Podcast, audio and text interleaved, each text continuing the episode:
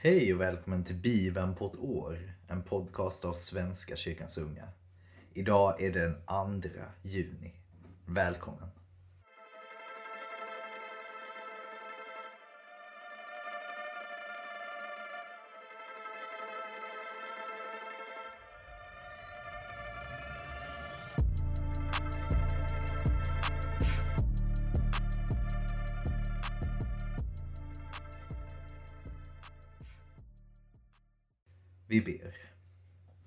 För idag. Tack för denna dag. Tack för åter en ny dag i ditt rike Gud. Jag ber att du ska ge oss frimodighet, styrka och att våga gå din väg. Att våga stå fast i dig. Även när andra runt omkring kanske påstår att det är omöjligt i dagens samhälle.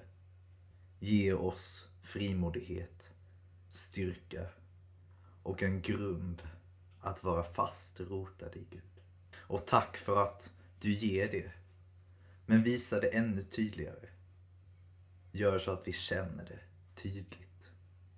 Din närvaro i våra liv. Var med i dagens läsning. I Jesu namn. Amen. Ja hörni, vi börjar i Domarboken kapitel 9, vers 22 till kapitel 10, vers 18. När Avimelek hade härskat över israeliterna i tre år sådde Gud split mellan Avimelek och Shekems borgare och de avföll från honom.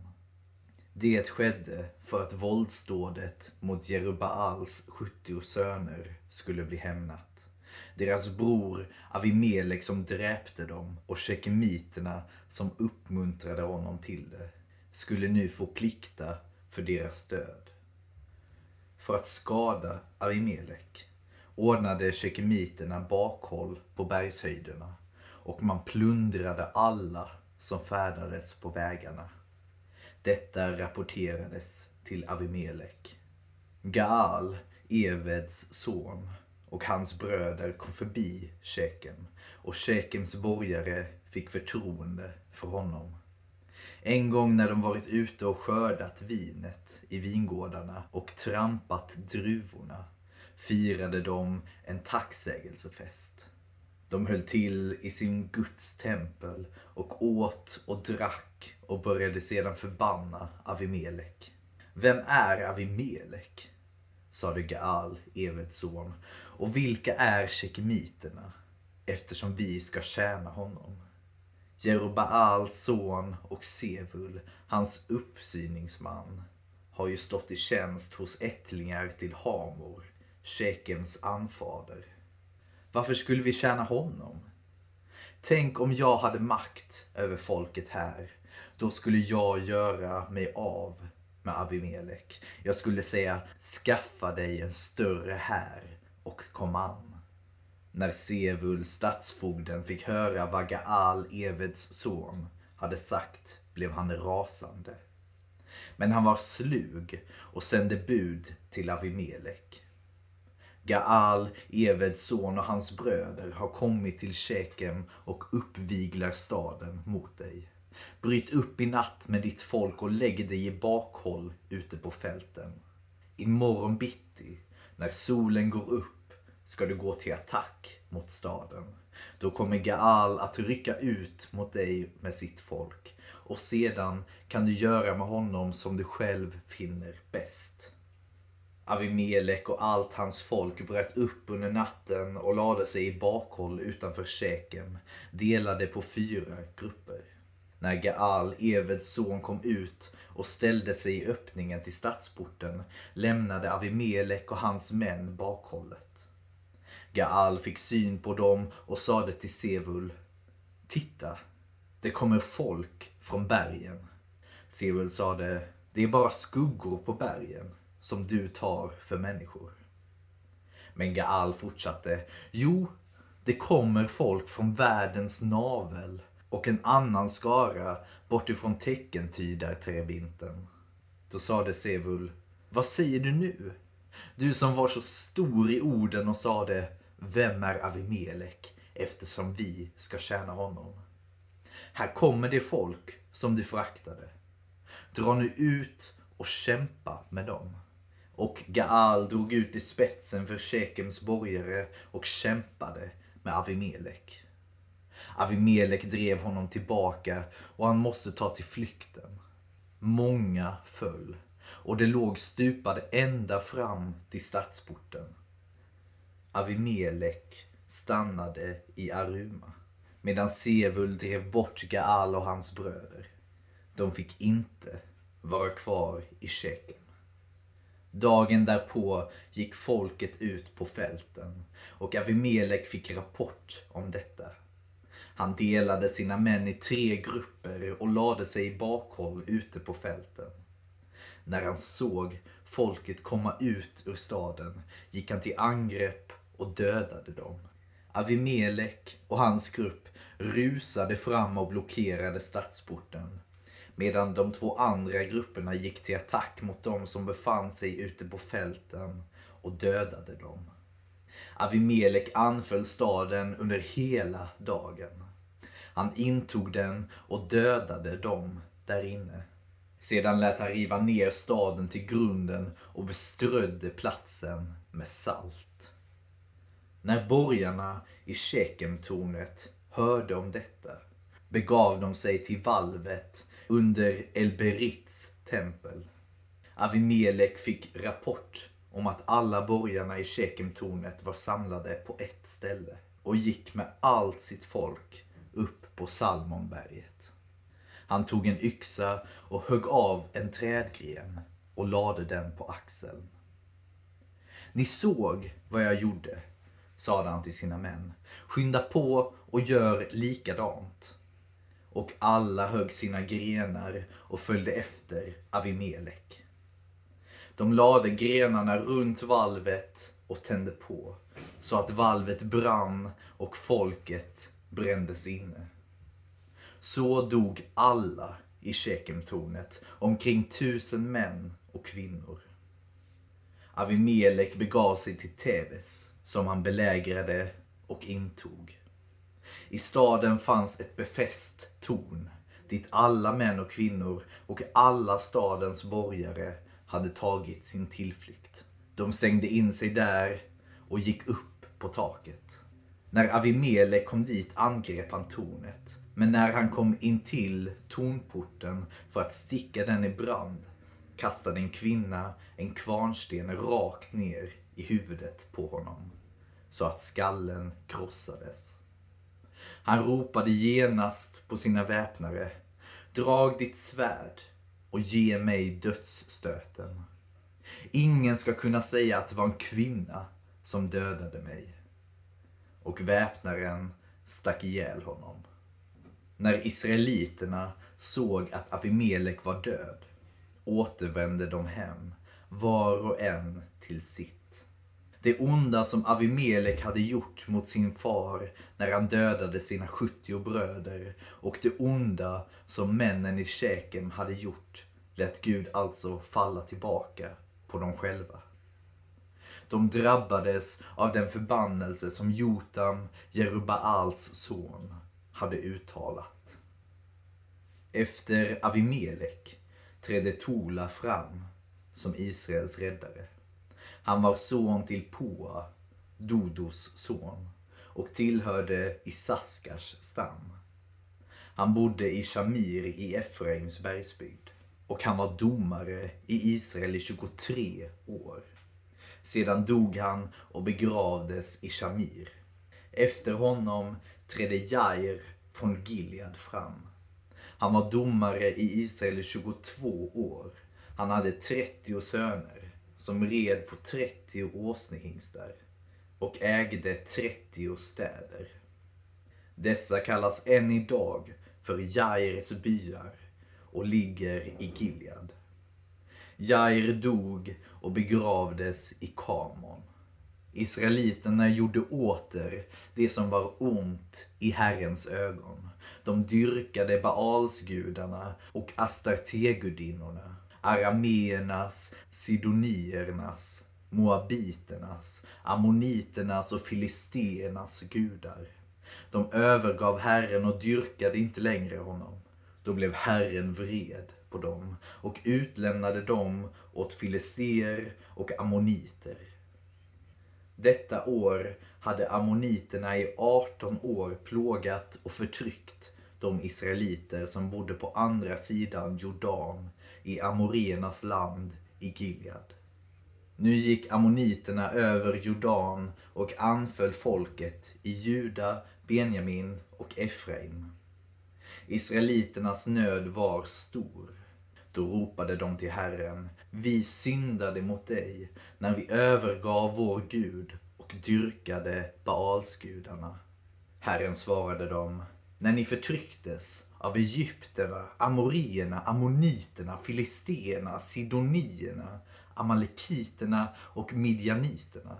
Då ropade ni till mig och jag räddade er ur deras våld. Men ni övergav mig och dyrkade andra gudar.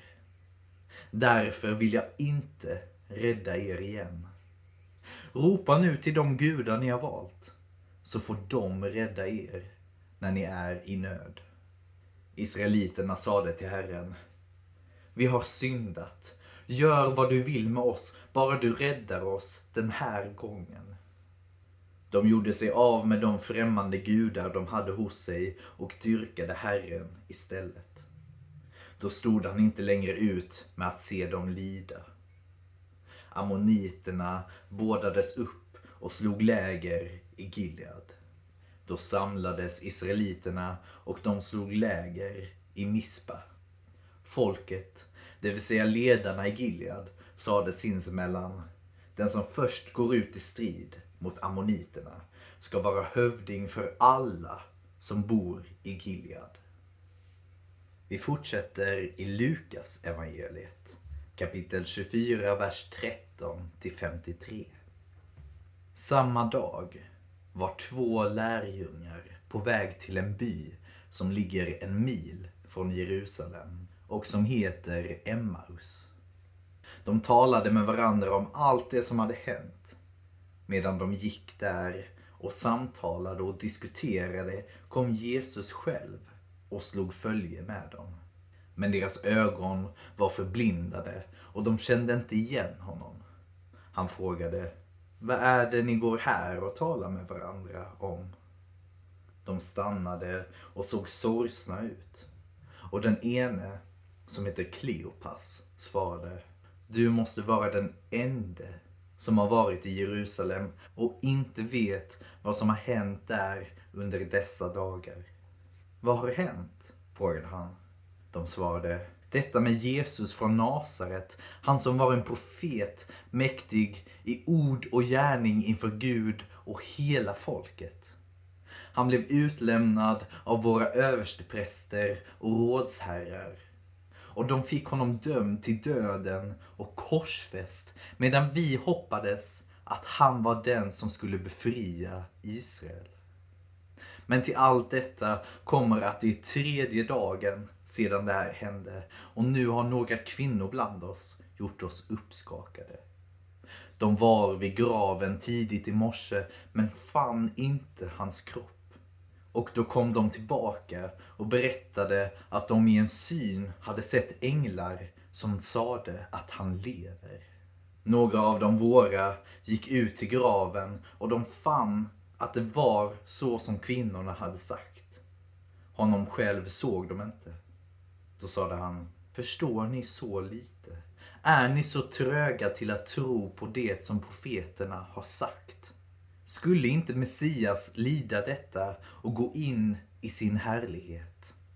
Och med början hos Mose och alla profeterna förklarade han för dem vad som står om honom överallt i skrifterna. De var nästan framme vid byn dit de skulle och han såg ut att vilja gå vidare men de höll kvar honom och sade Stanna hos oss. Det börjar bli kväll och dagen är snart slut. Då följde han med in och stannade hos dem. När han sedan låg till bords med dem tog han brödet, läste tackbönen, bröt det och gav åt dem. Då öppnades deras ögon och de kände igen honom. Men han försvann ur deras åsyn. Och de sade till varandra Brann inte våra hjärtan när han talade till oss på vägen och utlade skrifterna för oss? De bröt genast upp och återvände till Jerusalem där de fann de elva och alla de andra församlade. Och dessa sade Herren har verkligen blivit uppväckt och han har visat sig för Simon. Själva berättade de då vad som hade hänt dem på vägen och hur han hade gett sig till känna för dem genom att bryta brödet.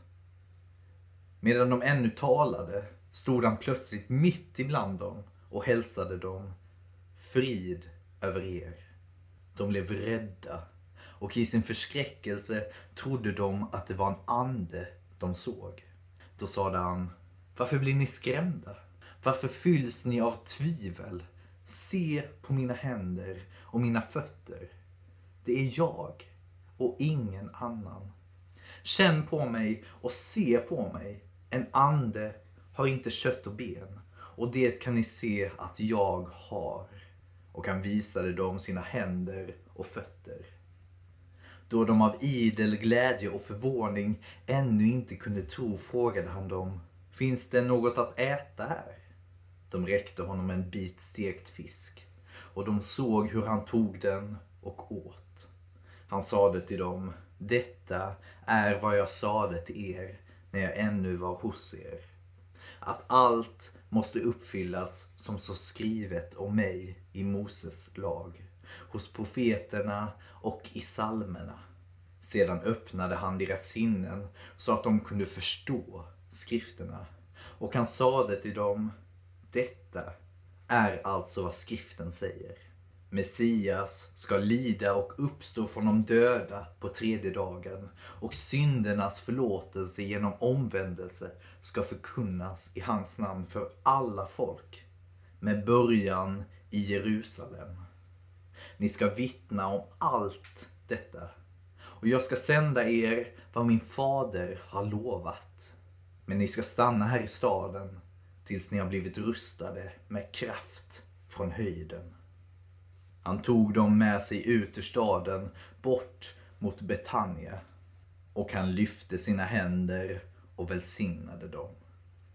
Medan han välsignade dem lämnade han dem och fördes upp till himlen. De föll ner och hyllade honom och återvände sedan till Jerusalem under stor glädje. Och de var ständigt i templet och prisade Gud. Ja, ett väldigt mäktigt slut på Lukas evangeliet. Wow. Imorgon börjar vi med Johannes evangeliet. Men nu fortsätter vi med psalm 100. En tacksägelsesalm. Hylla Herren, hela världen. Tjäna Herren med glädje.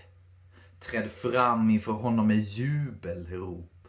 Besinna att Herren är Gud.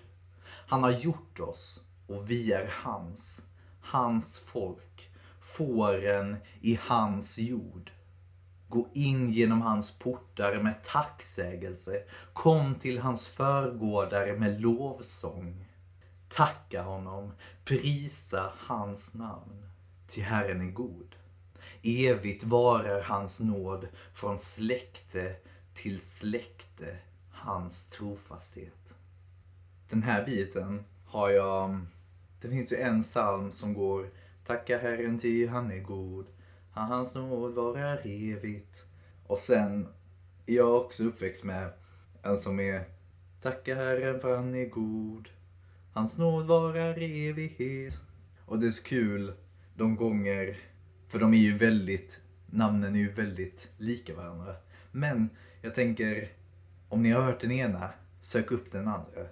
Om ni har hört den andra, sök upp den ena. Så får vi lyssna på ännu mer musik tillsammans. Så den ena är en Tessé-sång och den heter Tacka Herren. Och man kan nog lägga till Ty han är god om man vill det. Den andra heter Tacka Herren för han är god. Ett tips från mig bara, yeah. Woo. Men vi avslutar i Ordspråksboken som vanligt. Kapitel 14, vers 11 till 12. Den ondes hus läggs öde. Den rättrådiges hydda blomstrar. En väg som tycks vara den rätta kan ändå föra till döden. Mm. Det var spännande. En väg som tycks vara den rätta kan ändå föra till döden. Det är något jag får fundera vidare på. Kanske ni också. Men i alla fall. Tack för idag. Tack för att ni lyssnade. Imorgon så kommer vår kära Matilda att läsa igen. Om ni kommer ihåg henne sen sist. Då kommer hon läsa i en vecka framåt tror jag ungefär. Så ha det så trevligt med Matilda. Så ses vi om en vecka igen. Men ni ses imorgon igen. ha det fint. Hej då. Gud välsigne dig.